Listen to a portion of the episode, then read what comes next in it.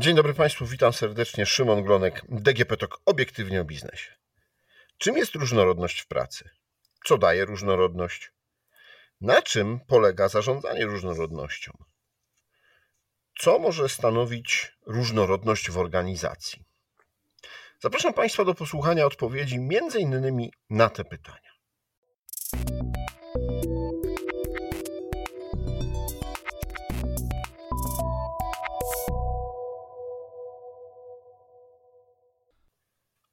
A moim Państwa gościem w podcaście jest Miłosz Marchlewicz z Forum Odpowiedzialnego Biznesu.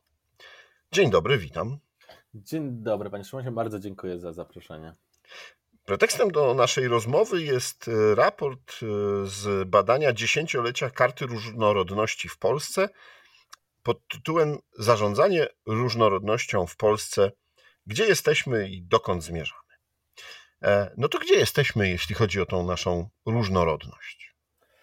Gdzie jesteśmy? E, otóż, jak wynika z naszego badania przygotowanego z okazji jubileuszu dziesięciolecia Karty Różnorodności w Polsce, który przez cały ubiegły rok świętowaliśmy, e, faktycznie po 10, po ponad 10 latach od e, badania, które wówczas Konfederacja Lewiatan przeprowadziła i raportu Barometru Różnorodności, rzeczywiście nie można mówić o dużym progresie. Momentami wręcz stoimy w miejscu, jeżeli chodzi o to, co się dzieje e, w zakresie takiego progresu e, wokół tematu zarządzania różnorodnością w miejscu pracy. A czym jest też to zarządzanie różnorodnością, bo być może jest to termin e, części z naszych słuchaczy i słuchaczek znany, a dla wielu E, osób pewnie e, jeszcze nie. Otóż zarządzanie różnorodnością e, to jest podchodzenie w sposób strategiczny do kwestii związanych właśnie z różnorodnością, czyli tym, w jaki sposób osoby zatrudnione w organizacji od siebie się różnią. Jest to także związane z inkluzją, czyli włączeniem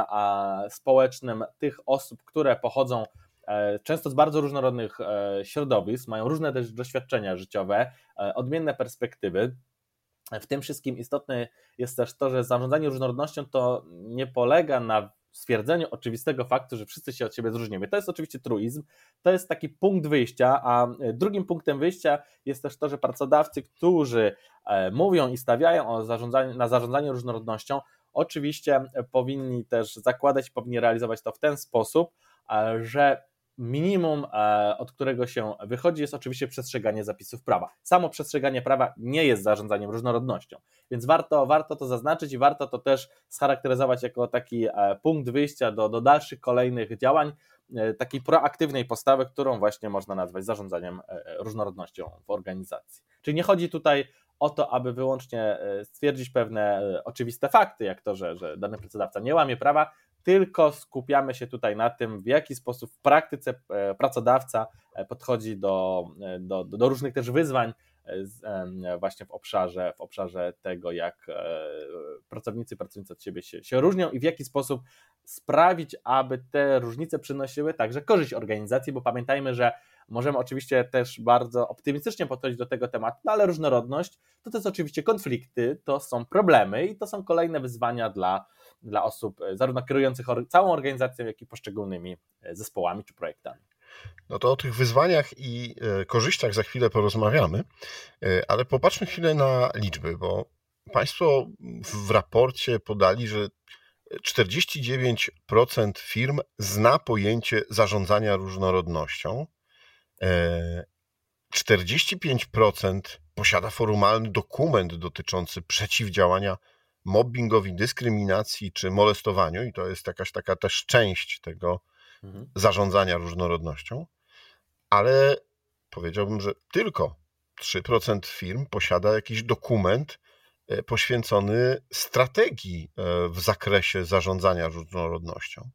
Czyli jakby o tym, że różnorodność występuje, wie 49% polskich firm. Czy że jest coś takiego jak zarządzanie różnorodnością? Y, o tak, jakiejś tam części właśnie to jest te 45%, no mówią o bingo, dyskryminacji, o molestowaniu, ale de facto o tym, że aktywnie w tym obszarze y, działają, to tylko 3% firm. Tak, 3% ma stricte e, dokument dotyczący właśnie strategii zarządzania e, różnorodnością. E, w naszym badaniu przeprowadzonym na, na próbie 800, 800 przedsiębiorstw, także takiej próbie skonstruowanej według charakterystyki polskiej gospodarki, jeżeli chodzi też o, o strukturę właśnie krajowego rynku, zgodnie z PKD. Oczywiście cała metodologia badania też jest dostępna na, na stronie Karty Różnorodności oraz portalu odpowiedzialnybiznes.pl. My przebadaliśmy 800 e, firm. Chcieliśmy też w ten sposób oczywiście nawiązać do wspomnianego już przeze mnie wcześniej barometru różnorodności Konfederacji Lewiatan, tak, tak jak wspomniałem na samym początku, aby po 10 latach sprawdzić, czy co się zmieniło. Co do, co do tego, w jaki sposób w praktyce to, to działa, to nasze badanie pokazało, że e, jedynie co trzecia e, firma spośród ankietowanych deklaruje konkretne działania w obszarze zarządzania różnorodnością i tutaj prawidłowość jest też taka, że im większa firma, tym właśnie większa szansa, że ta świadomość przełoży się na realne, konkretne działania. To znaczy, jeżeli e, sprawdzimy, wejdziemy w te wyniki naszego badania głębiej, bardziej, to okazuje się, że w przypadku dużych firm to dwie trzecie z nich deklaruje właśnie prowadzenie konkretnych, realnych działań i taką proaktywną postawę w zakresie zarządzania różnorodnością. W przypadku e, firm średnich, czyli tej drugiej przebadanej przez nas badaniu grupy, ten odsetek spada już do 29%, więc, więc widać faktycznie, że, że nadal, nadal takie praktyczne podejście do zarządzania różnorodnością jest bardzo dużym wyzwaniem, zwłaszcza dla tych e, firm średnich. Można przypuszczać, dla, że dla firm e, małych i mikro, których, których tutaj akurat nie badaliśmy, bo skupiliśmy się na, na średnich i dużych, te wskaźniki, te, ten odsetek byłby stanowczo jeszcze dużo, e, dużo niższy, pewnie w wielu, w wielu przypadkach, poza, poza kilkoma czy kilkunastoma e, wyjątkami. Więc e, faktycznie my postanowiliśmy sprawdzić zarówno taką ogólną świadomość, ogólną znajomość tej tematyki, idąc właśnie głębiej, zapytaliśmy o prowadzenie konkretnych działań, zapytaliśmy, jakie to działania są, jakich obszarów dotyczą. I jeszcze wchodząc bardziej w ten temat, zapytaliśmy firmę o to, czy mają e, dokumenty, które ogólnie dotyczą przeciwdziałania dyskryminacji, czyli e, dokumenty wynikające także z przepisów e, prawa, między innymi krajowego. No i oczywiście ten, ten najniższy odsetek, czyli to 3%, o których Pan wspomniał, dotyczyło dokumentu stricte, ściśle dotyczącego właśnie zarządzania różnorodnością w organizacji. Mhm. Tak to wygląda, jeżeli chodzi też o samą konstrukcję badania i o to też, czego myśmy jako organizacja ekspercka chcieli się dowiedzieć, co sprawdzić.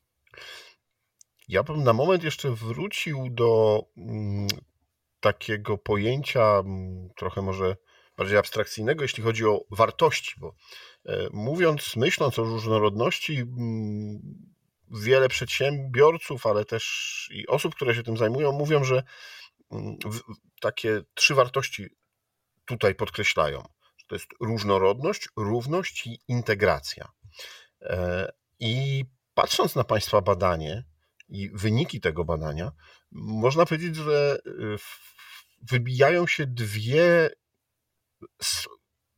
takie główne, dwa, dwa główne obszary działań, y, w których ta różnorodność i równość jest brana pod uwagę. Pierwszy obszar działań to są dostosowanie miejsc pracy dla osób z niepełnosprawnościami, na różnym poziomie, w zależności od branży, w zależności od y, wielkości przedsiębiorstwa. A druga rzecz, o której się najczęściej myśli w firmach w Polsce, to jest wyrównywanie płac między kobietami a mężczyznami. Tak, rzeczywiście to są takie wiodące obszary zainteresowania i aktywności pracodawców w Polsce, jeżeli chodzi E, o to, co realnie, faktycznie dzieje się w różnych firmach w naszym kraju. E, w raporcie podkreśliliśmy także, że ta niepełnosprawność często bywa rozumiana czy zawężana do e, tematyki czy do obszaru e, zadań związanych z przystosowaniem budynków do, do potrzeb osób z niepełnosprawnościami.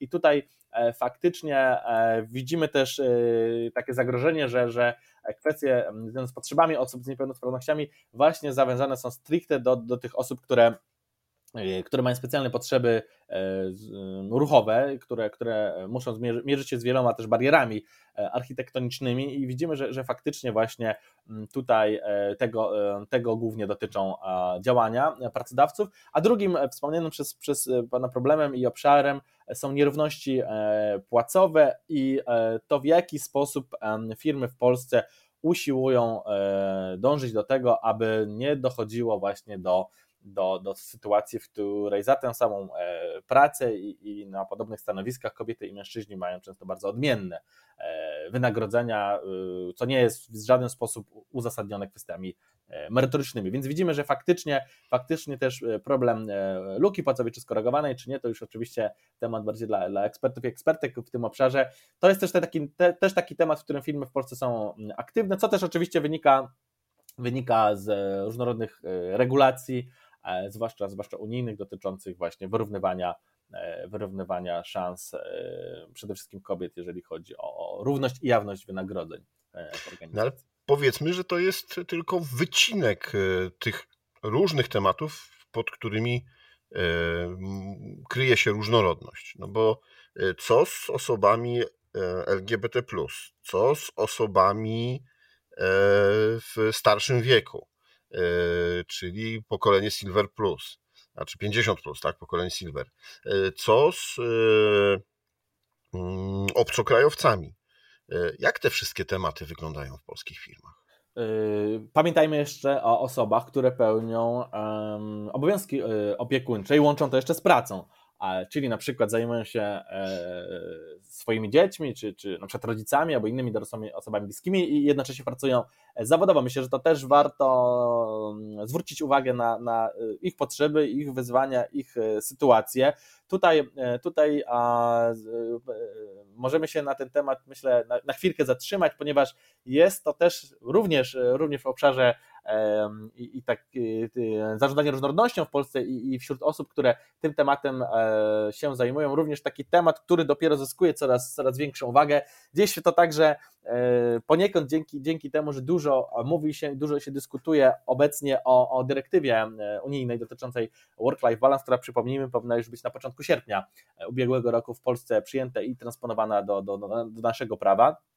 Faktycznie widzimy, że tutaj Tutaj jest jeszcze sporo, sporo wyzwań, zarówno e, przed, e, przed ustawodawcą, jak i przed pracodawcami w Polsce, bo jak wynika z naszego e, badania, osoby z obowiązkami opiekuńczymi, opiekuńczymi są wspierane przez nieco ponad jedną trzecią firm a, a tych osób, które, które pełnią, e, pełnią e, jednocześnie opiekę i, i pracują zawodowo jest w Polsce e, co najmniej, co najmniej według ostrożnych naszych szacunków kilka, kilka milionów, więc, więc jest to naprawdę ogromna, ogromna rzesza ludzi. I w tym wszystkim jeszcze jest istotne to, że o ile o ile e, o osobach, które jednocześnie pracują i, i, opiekują się e, na przykład swoimi dziećmi, mówi się coraz więcej, nawet już całkiem sporo, e, patrząc na to też ile publikacji w mediach się pojawia, to sytuacja, sytuacja osób, które zajmują się czy swoimi rodzicami, czy teściami, czy partnerem, partnerką, osobami dorosłymi, to jest ten temat, który praktycznie w Polsce nie istnieje nadal to jest coś, co, co, czego zarówno um, większości pracodawcy nie robią, coś, y, o czym się też nie mówi e, w miejscu pracy, o czym, o czym też pisaliśmy w innym naszym raporcie. I to jest też coś, co, co na razie jeszcze, jeszcze w takim dyskursie publicznym nie jest e, praktycznie e, jakimś większym stopniu obecny. Ale zapytał Pan też o, o, o sytuację kobiet i osób w wieku 50, plus, czyli też w tych tematach mocno z obszarem ról opiekuńczych powiązanych, bo pamiętajmy, że, że role opiekuńcze i także łączenie tych ról z pracą to jest głównie domena nadal w Polsce kobiet. E, ale także tych osób ogólnie i mężczyzn i kobiet w wieku 50+, plus, którzy oczywiście też ze względów demograficznych często opiekują się właśnie na przykład swoimi rodzicami też są cały czas aktywne zawodowe. To tutaj ten odsetek jest jeszcze, jeszcze niższy, mianowicie kobiety i osoby w wieku 50+, plus, czyli kobiety i mężczyźni tutaj a w tej grupie to mm, ma miejsce taka sytuacja wsparcia stricte ich i zaadresowania, jak to się teraz mówi, ich potrzeb zaledwie w około co czwartej firmie. A jeżeli chodzi o osoby LGBT, to ich, e, ich, na ich potrzeby, taką proaktywną e, uwagę zwraca zaledwie około 9% badanych firm. Czyli można powiedzieć, e, że spośród tych firm, które prowadzą konkretne działania wobec konkretnej właśnie grupy zatrudnionych, to jest około 15% pracodawców, to można by powiedzieć, że, że nadal jeszcze takim sporym problemem, sporym wyzwaniem dla, dla pracodawców w Polsce zastanowienie się, jak mogą wesprzeć konkretną grupę zatrudnionych, e, oferując im e, rozwiązania, które dotyczą właśnie stricte ich specyficznych potrzeb. Jeśli chodzi o tą y, wsparcie osób, y, które opiekują się czy dziećmi, czy osobami y, dorosłymi, e, no to tutaj e, trochę przyszła chyba z pomocą ta ustawa o pracy zdalnej, czy też zmiana kodeksu pracy. No bo tam y, zostało wreszcie wprowadzone to, że przysługuje praca zdalna w miarę oczywiście możliwości wykonywania takiej pracy osobom, które opiekują się na stałe właśnie y, osobami, czy starszymi, czy, czy dziećmi. Tak, war, warto przy tej okazji wspomnieć, że mm, e, często e, ankietowanie przez nas pracownicy i pracownice, także przy okazji innych naszych projektów badawczych, które już dwa duże projekty zrealizowaliśmy a propos stricte właśnie ról opiekuńczych, e, to, to faktycznie wśród i rekomendacji, które przygotowaliśmy i też wśród odpowiedzi, które się po prostu pojawiały w ankietach, taka otwartość pracowników na to, aby mm, korzystać z elastycznych elastycznych sposobów wykonywania obowiązków zawodowych była duża. To znaczy, e, pracownicy, którzy, zwłaszcza ci, którzy pełnią rolę opiekuńcze wobec dorosłych osób zależnych, zwracali uwagę na to, że z ich perspektywy, perspektywy pracownika czy pracownicy, e, często warto postawić na, na elastyczność rozumianą jako chociażby właśnie możliwość pracy zdalnej w wybrane, wybrane dni, czy, czy możliwość wyjścia w ciągu dnia z pracy na krótko, tak aby na przykład E, wybrać się z ojcem czy, czy matką do, do, do, do, do lekarza i potem wrócić do, do pełnienia tych obowiązków zawodowych. Mianowicie te osoby często zwracały uwagę na to, że z ich punktu widzenia, także jako pracownika dla firmy, mniej efektywne jest to, gdyby na przykład musieli wziąć urlop specjalnie na cały dzień, po to, aby, dajmy na to, dwie godziny e, spędzić razem e, z rodzicem u, u lekarza. Więc dużo, dużo też w naszym raporcie i tym, i poprzednich mówimy o tym, że, że te E, potrzeby i wskazywane roz, przez pracowników rozwiązania dotyczą właśnie nierzadko czasu i organizacji pracy, właśnie tak jak Pan wspomniał, na przykład w formule zdalnej czy, czy hybrydowej. A co no warto, tak. też, warto też zwrócić jeszcze uwagę, kończąc właśnie temat, temat pełnienia ról opiekuńczych wo, wobec na przykład osób starszych, to, to faktycznie, że faktycznie zwróciliśmy uwagę, że dla części firm na przykład już sam fakt zatrudniania osób 50 plus był przykładem konkretnych działań na ich rzecz. No, nic bardziej mylnego, no bo przecież niedyskryminowanie czy przestrzeganie prawa no, nie jest jeszcze przejawem zarządzania różnorodnością w organizacji. A o tych zmianach prawa i w kodeksie pracy możecie Państwo posłuchać też e, w moim podcaście DGP Tok Obiektywnie o biznesie, do czego oczywiście zachęcam. Natomiast wracając do tego raportu, e, to teraz przejdźmy do tych korzyści. Jakie przedsiębiorcy e, widzą korzyści z zarządzania różnorodnością? Przede wszystkim te korzyści wynikające z tworzenia różnorodnych zespołów to, to według ankietowanych przez nas firm dwie trzecie firm na to wskazało, to jest ogólnie rzecz ujmując e, uzyskanie, uzyskiwanie lepszych wyników. W porównaniu do, do, do tych uzyskiwanych przez zespoły e, jednorodne. I tutaj e, jeżeli chodzi o branżę, to, to najczęściej dostrzegają to przedsiębiorstwa z branży hotelarskiej, gastronomicznej, z branży informacji, komunikacji, handlu oraz z branży finansowej i ubezpieczeń nieruchomości. I tutaj e, wchodząc e, głębiej w ten temat, to jeżeli chodzi o, o takie korzyści stricte finansowe, to taką pozytywną korelację dostrzega prawie 60% firm a pośród tych największych jeszcze więcej, bo, bo ponad 3 czwarte.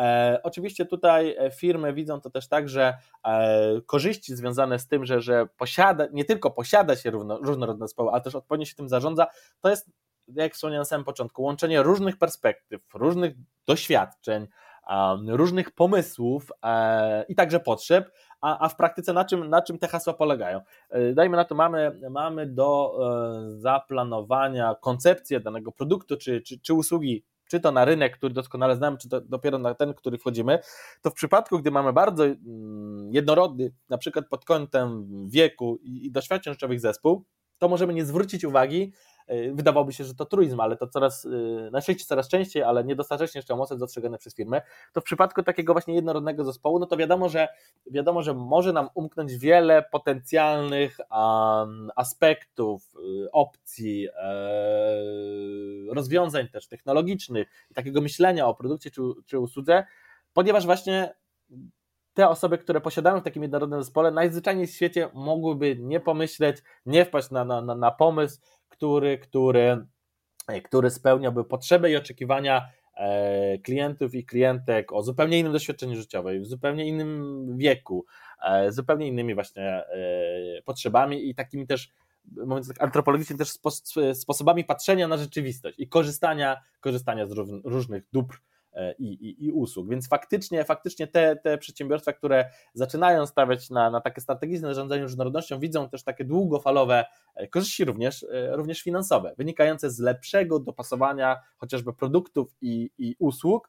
A to wszystko oczywiście musi być mm, oparte na tym, że, że prowadząc działania z zakresu zarządzania różnorodnością, najpierw przede wszystkim trzeba zastanowić się, E, w jaki sposób dany pracodawca do swojego kluczowego interesariusza, czyli do zatrudnionych, kieruje różnorodne działania. Bo nie ma tutaj nie ma nic, nic gorszego niż nie zastanowić się nad tym, e, jak dana organizacja funkcjonuje jako, jako pracodawca, a myśleć tylko o tym, co na zewnątrz. Jeżeli w środku, w firmie udanego pracodawcy najpierw nie zostanie wykonany ten krok związany z diagnozą potrzeb i, i też taką sytuacją osób zatrudnionych, to nawet nie ma co myśleć o, o strategicznym podejściu do zarządzania różnorodnością i, i, i y, o tych korzyściach, o których przed chwilą wspomniałem. Najpierw przede wszystkim trzeba zacząć od, od samego siebie, od, od, danej firmy, od tego, co w środku. Potem mhm. w kolejnych krokach możemy wychodzić na zewnątrz, możemy korzystać wtedy z tego, o czym, o czym wspomniałem, jeżeli chodzi o, o konstruowanie lepszych produktów czy, czy usług i budowanie takiej e, przewagi konkurencyjnej, co też oczywiście będzie możliwe wtedy, gdy będziemy atrakcyjnym pracodawcą. No tak. Jeśli chodzi o tą różnorodność, to na przykład e, w kwestii cudzoziemców, właśnie to, o czym Pan powiedział, e, na czoło wychodzą firmy z branży hotelarskiej i gastronomicznej. Tak? To, to, są, to są te firmy, które najczęściej korzystają e, z mm, różnorodności e, mm, i, z dobrodziejstw tego, że mają pracowników z różnych stron świata. Mhm. E, natomiast chciałbym teraz zapytać o, o tą przyszłość, no bo jeśli już wiemy, gdzie jesteśmy, no to mm, może nie dokąd zmierzamy, bo wydaje mi się, że zmierzamy nieuchronnie, ale to w takim pozytywnym tego słowa znaczeniu, y, do tego, żeby ta różnorodność jednak była powszechna. To bardziej bym zapytał o to, jak do tego dojść i w miarę, jak do tego dojść szybko.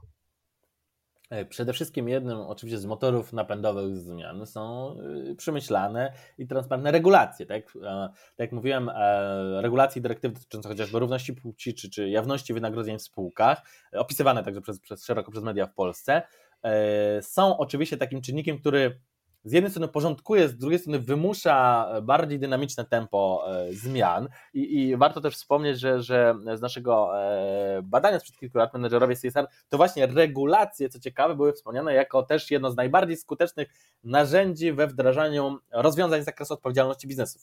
E, dlaczego? Dlatego też, że osoba, która pracuje najczęściej na, średnim, na średnim szczeblu danej organizacji, jest odpowiedzialna na co dzień za, za taką, taką praktyczną odsłonę tych działań z zakresu zrównoważonego rozwoju, także potrzebuje konkretnych argumentów, aby przekonać prezesa czy prezeskę, e, czy szerzej zarząd do tego, aby postawić strategicznie na, na odpowiedzialność biznesu, zrównoważony rozwój, w tym oczywiście zarządzanie różnorodnością. Jeżeli chodzi o to, co przychodzi z zewnątrz organizacji oprócz e, regulacji, to pamiętajmy też, że że e, coraz jest też większa presja wywierana na, na firmy, jeżeli chodzi o, o, ich aktywność z zakresu chociażby właśnie aktywizmu korporacyjnego, także przez nas często opisywanego i analizowanego.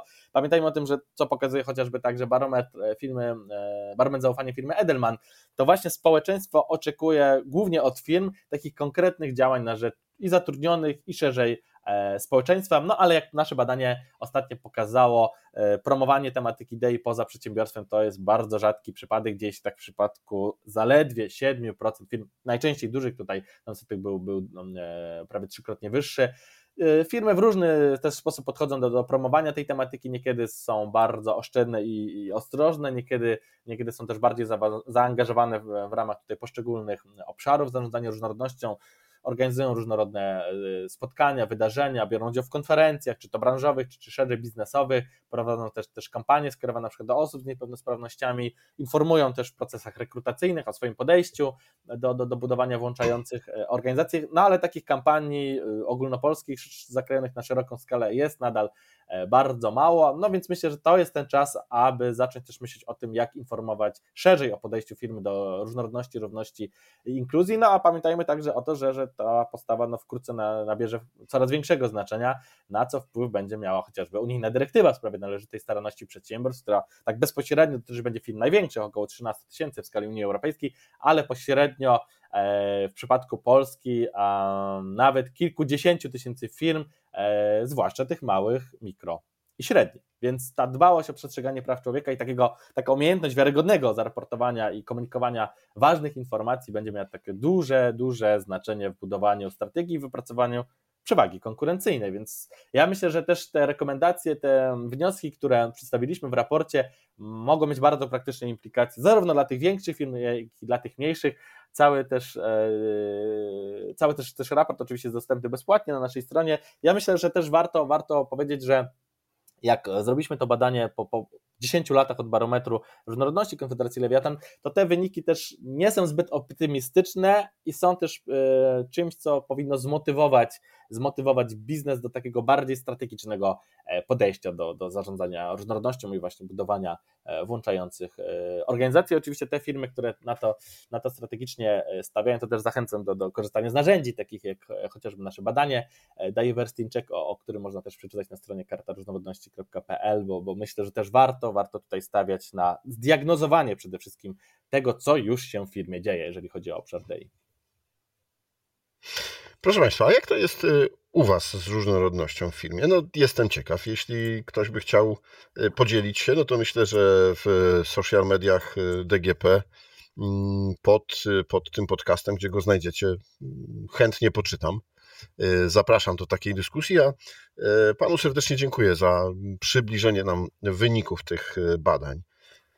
Moim Dziękuję Państwa bardzo. gościem w podcaście DGP Tak Obiektywnie o Biznesie był Miłosz Marchlewicz z Forum Odpowiedzialnego Biznesu, a rozmawiał Szymon Glonek. Do usłyszenia.